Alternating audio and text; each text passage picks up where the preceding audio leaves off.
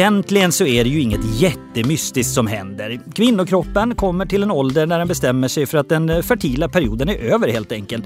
Men ändå så verkar många nästan lite överraskade när de själva nås av klimakteriet.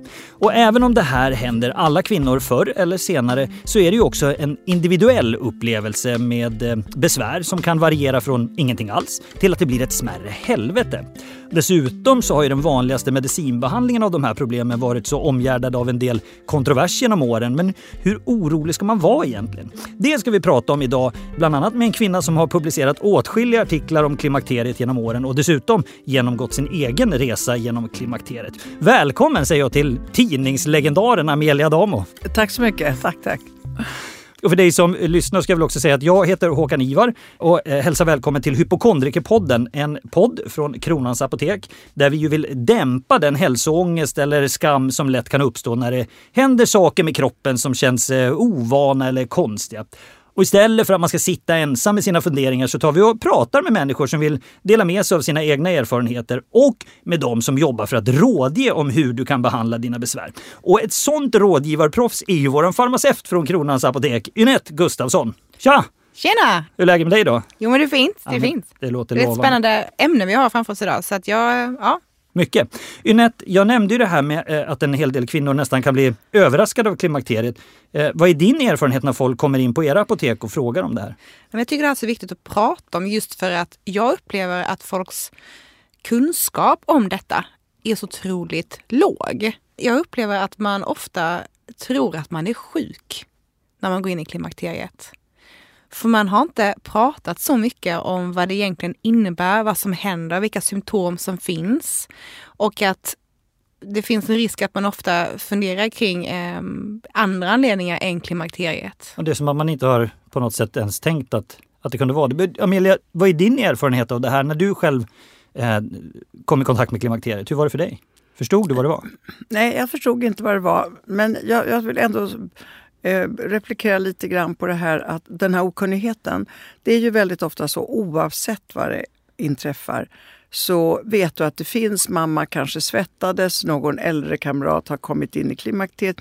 Men du tar det inte riktigt till dig så att du har liksom en lista av olika eventuella eh, vad som kan hända dig eller biverkningar eller något sånt där. Utan plötsligt så drabbas du och så blir du ställd och då är du inte så rationell så att du tänker mm eh, ja, visst ja, så här blev man när man kommer i klimakteriet. Plus att det är ju faktiskt lite olika. Om man tar, hur upptäckte jag det då? Eh, så upptäckte jag det därför att jag blev så fruktansvärt arg, fick en sån enormt kort stubin. Och så mycket visste jag att om man får en sån här kort stubin är det oftast kanske något hormonellt trots allt. Det kändes lite onormalt. Det kändes att jag ville nypa barnen eller hålla dem så hårt så det nästan blev blåmärken när jag blev arg. Jag kände mig okontrollerad. Och det var inte likt dig då menar du? Sen tidigare? Nej, jag kände inte igen mig själv riktigt med den här snabba ilskan. Och så tänkte jag, eftersom det var hormoner, så eh, bokade jag en tid hos min gynekolog. Och så berättade jag det här för henne och då sa hon till mig, ja men du har nog kommit till klimakteriet, det kan yttra sig i form av den här sortens raseri. Eh, va, sa jag, jag är 44. Ja, men sa hon, du är ju från södern, ni blommar fort och vissnar också. Lite fortare det. än oss här Dina uppe i kylan. Det var mina italienska gener. Och jag var liksom så här häpen. Trodde så här. Ja, men sa hon, vi kollar det nu, sa hon. Sluta med dina p-piller, för jag åt ju p-piller vilket gjorde att du har ingen, du har ju på något sätt en onormalt förhållande till din mens och alltihopa. Utan den kom ju som en liten klocka. Eh, och så är ju inte riktigt livet. Och, så då slutade jag, det här tror jag var i maj. Jag hade precis fyllt 44 i februari. I augusti-september har det inte kommit en liten röd fläck i brallan.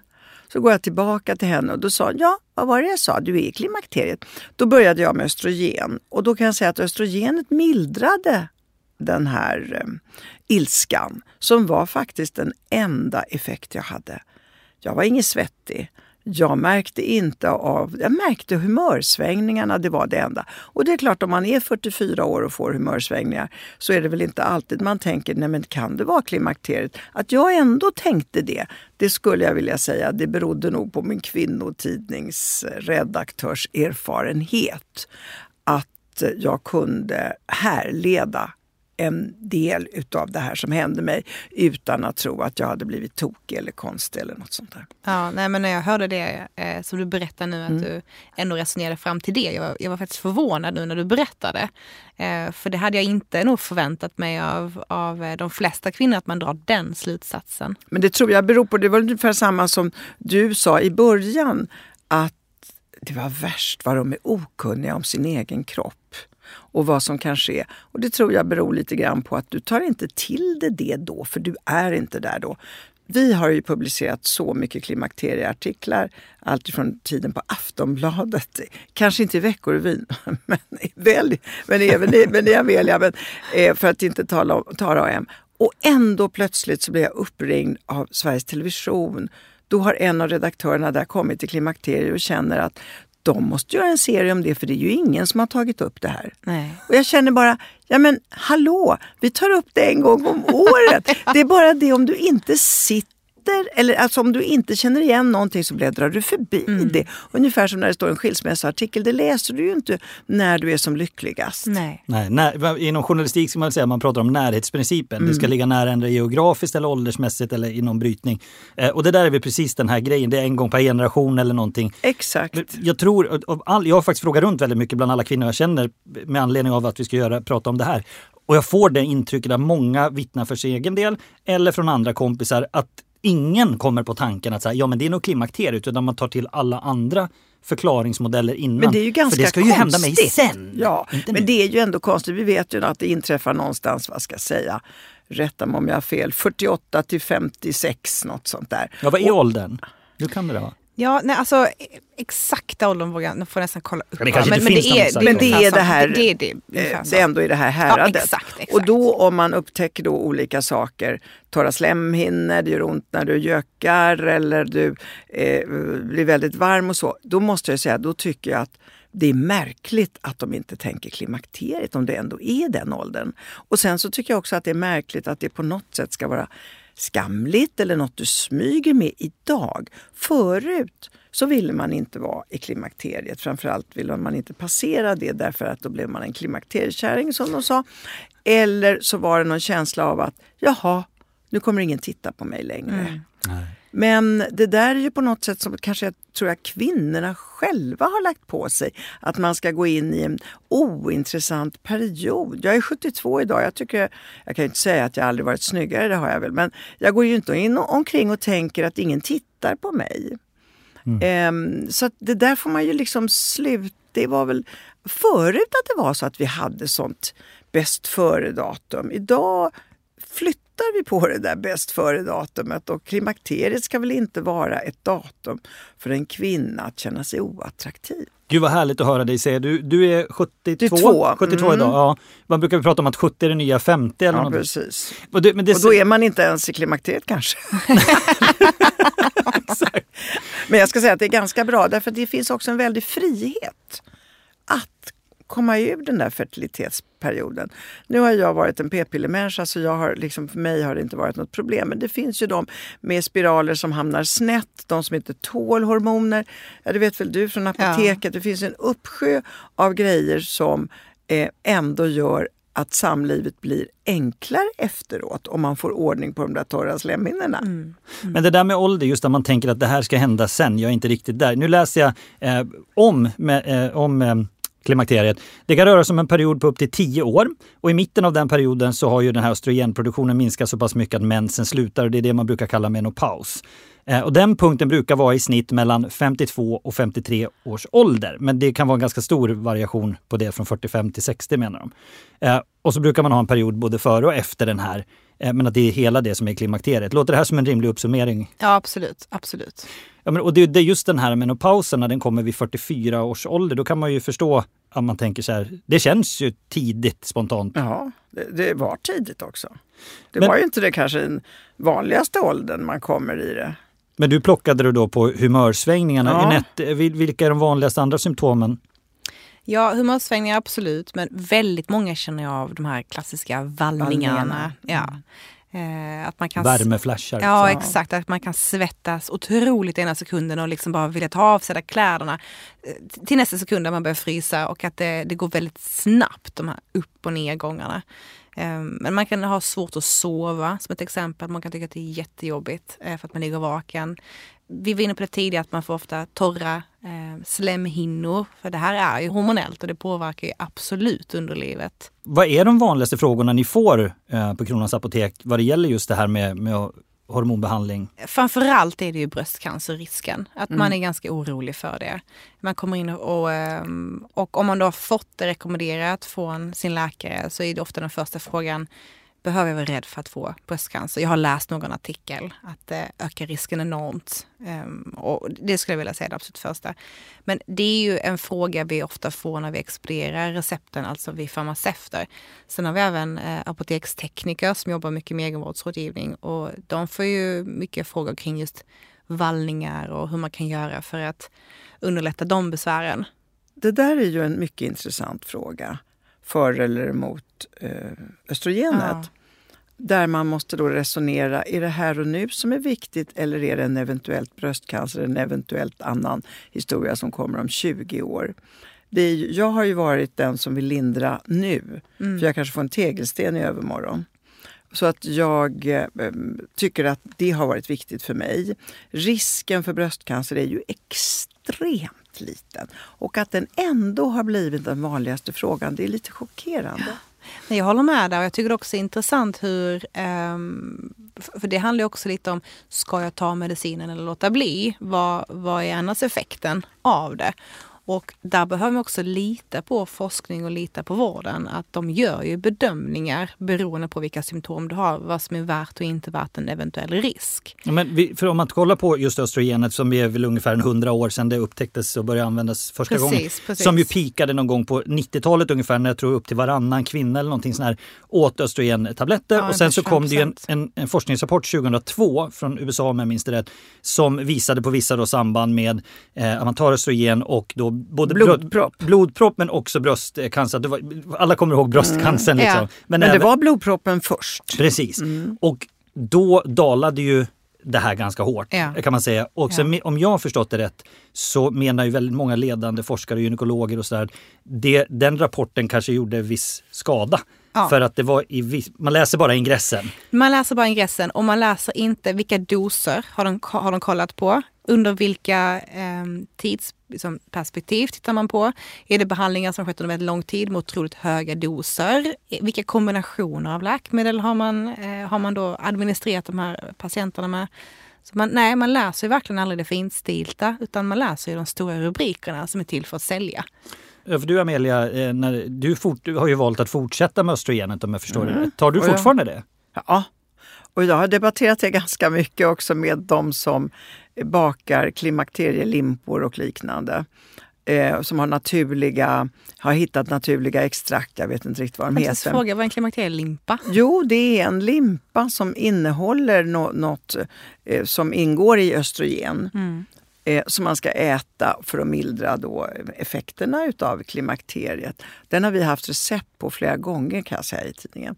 Eh, därför att det finns ju ändå många som har en väldig respekt mot medicinering och som inte vill det. Och jag är precis tvärtom. Jag tycker ändå att det är så här, forskning har kommit fram till det och det och, och om man tittar på eh, de få eh, piller som verkligen har, där det har blivit fel, typ Neurosedyn och liknande, så är mm. det ju extremt lite.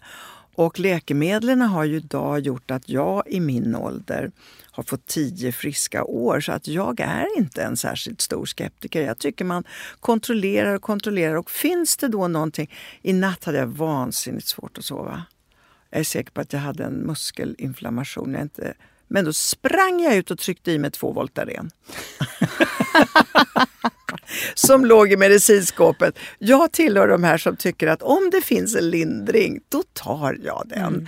Varför ska jag lida och hålla på för kanske något framtida elände? I alla fall kanske inte i min ålder.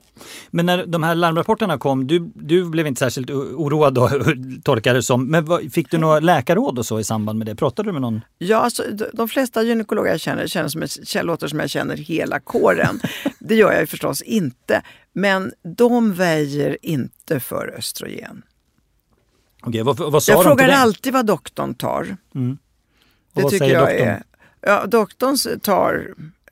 Han, doktorn resonerar ofta som jag. Mm. De har någon slags ändå förtroende för vad läkemedel ändå har åstadkommit. Och kanske den här eviga frågan.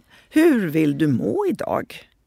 Vill du må, vill du, jag menar, är det viktigt för dig hur, hur det blir om 20 år eller 15 år? Är det viktigt? Blir det någon slags ångest för dig för att du känner att eventuellt så kan jag bli... Det är som jag som faktiskt också, här låter det låter inte klokt vad mycket piller de petar i sig, men jag är lite svårt att sova, alltså, jag, har sömn, jag brukar ta sömnmedel. Och då läste jag kopplingen mellan sömnmedel och Alzheimers och demens. Okej, Det och var vilken ju var inte trevligt. Okej. Så då tänkte jag, då slutade det gick ju inget bra. Så tänkte jag, nej men är det inte viktigare ändå att jag just nu är utsövd imorgon när jag ska vara med i den här hypokondrikerpodden. Min svärmor brukar säga, vad är det det går ut på egentligen? Att bli äldst på äldreboendet eller att leva här och nu? Så det Precis. verkar vara lite... Ja, ja, ja, Ni skulle gilla varann. Ja, precis. Så jag, jag tycker nog det. Men eh, jag, jag har ändå respekt för folks oro. Mm, absolut, absolut.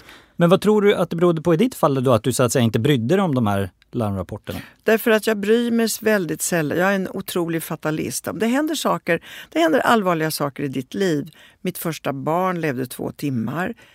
Barnets pappa och mina två andra barns pappa dog mycket oväntat i en cancersjuk. De gick väldigt fort.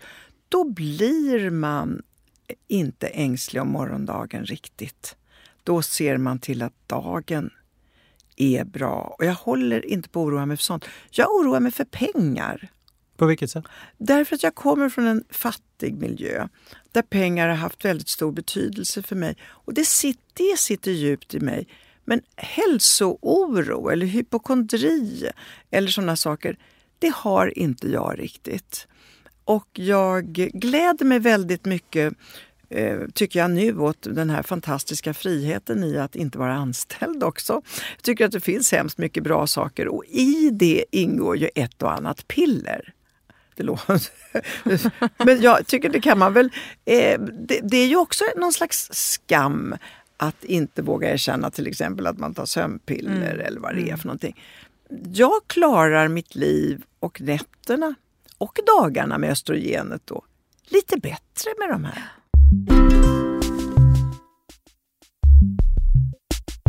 Men av alla år som du har hållit på med det här, för du var ju väldigt tidigt ute och, och förde det här upp på agendan långt innan Ja. någon pratade om det, även om Ja. man tycker att de inte gör det nu.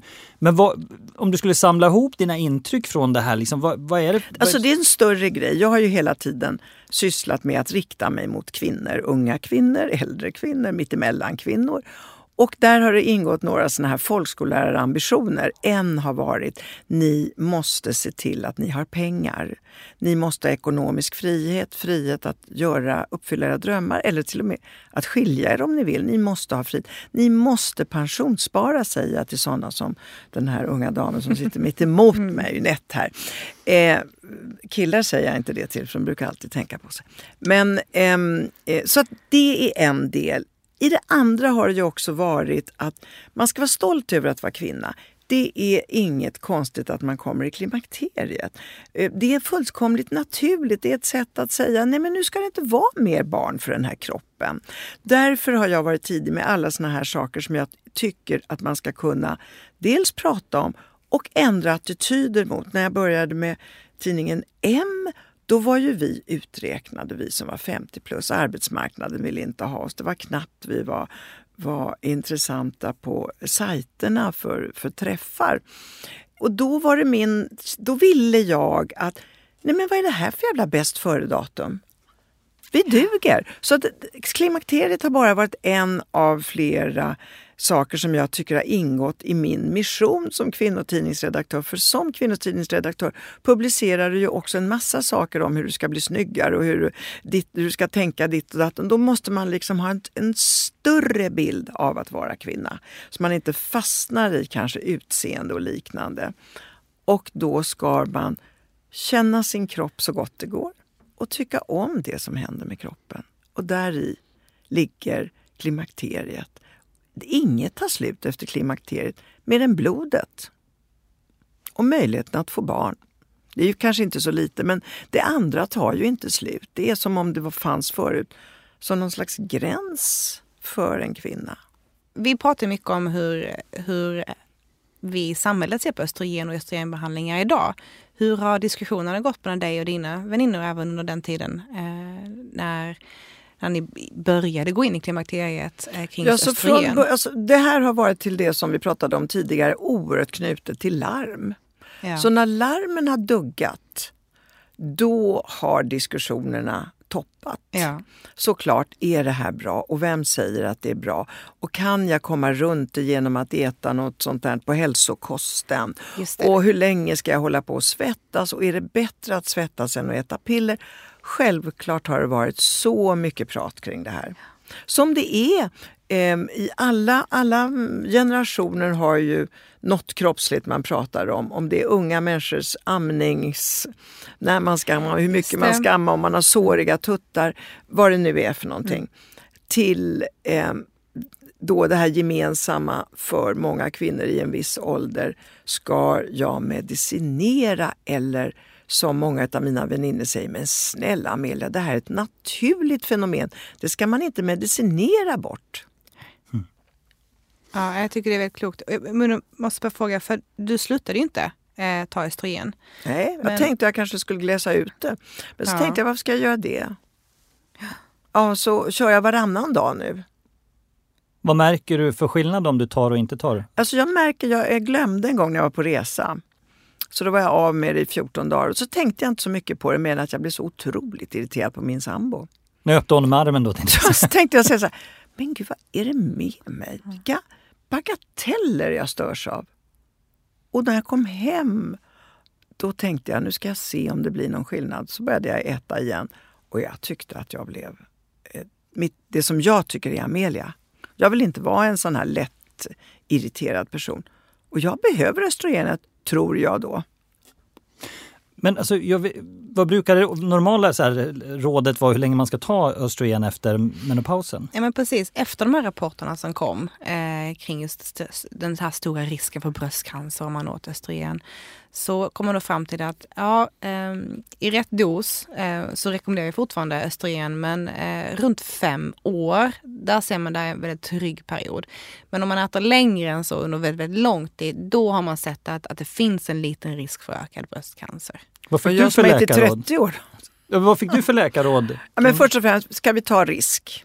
Risk är ett ord som kan innebära väldigt mycket. Det kan innebära att någon av oss tre som sitter i det här rummet kan få risk.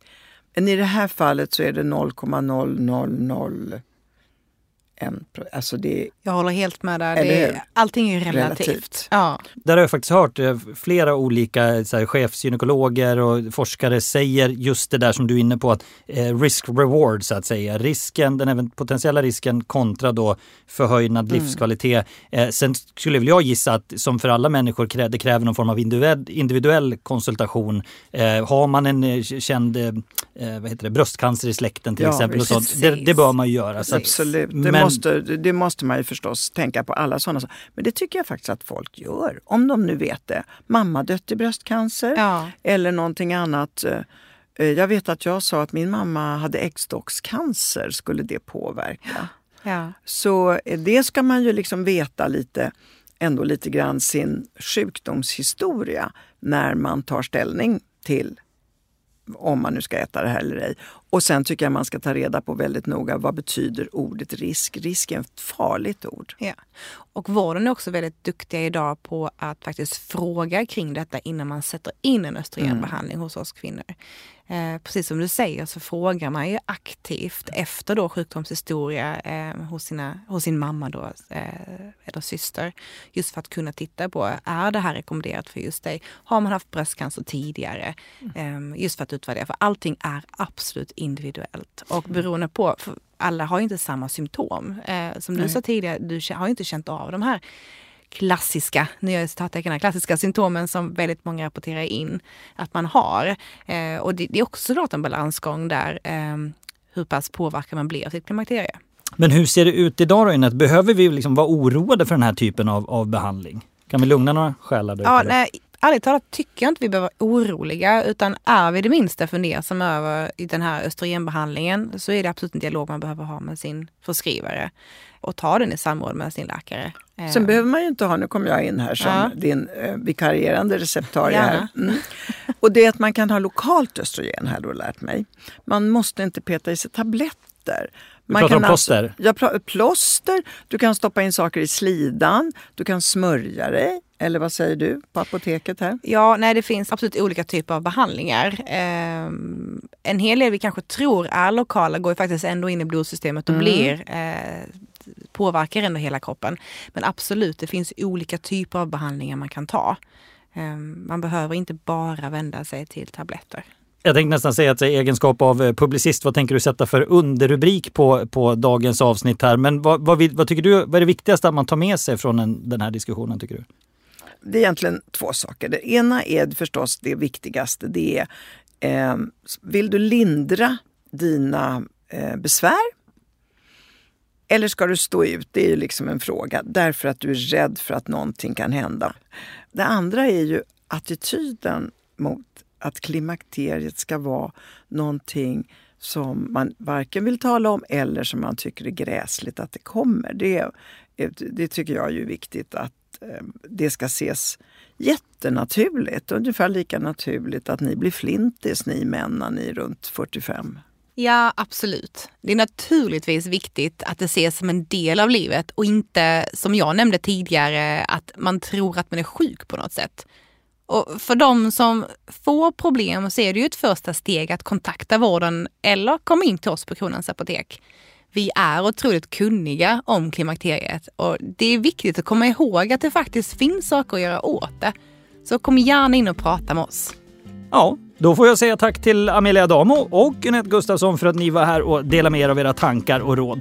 Är du nyfiken på andra saker med din kropp eh, som kan vara svårt att prata om? Ja, men då lyssnar du på fler avsnitt av Hypokondrikerpodden. Men nu säger vi tack för den här gången.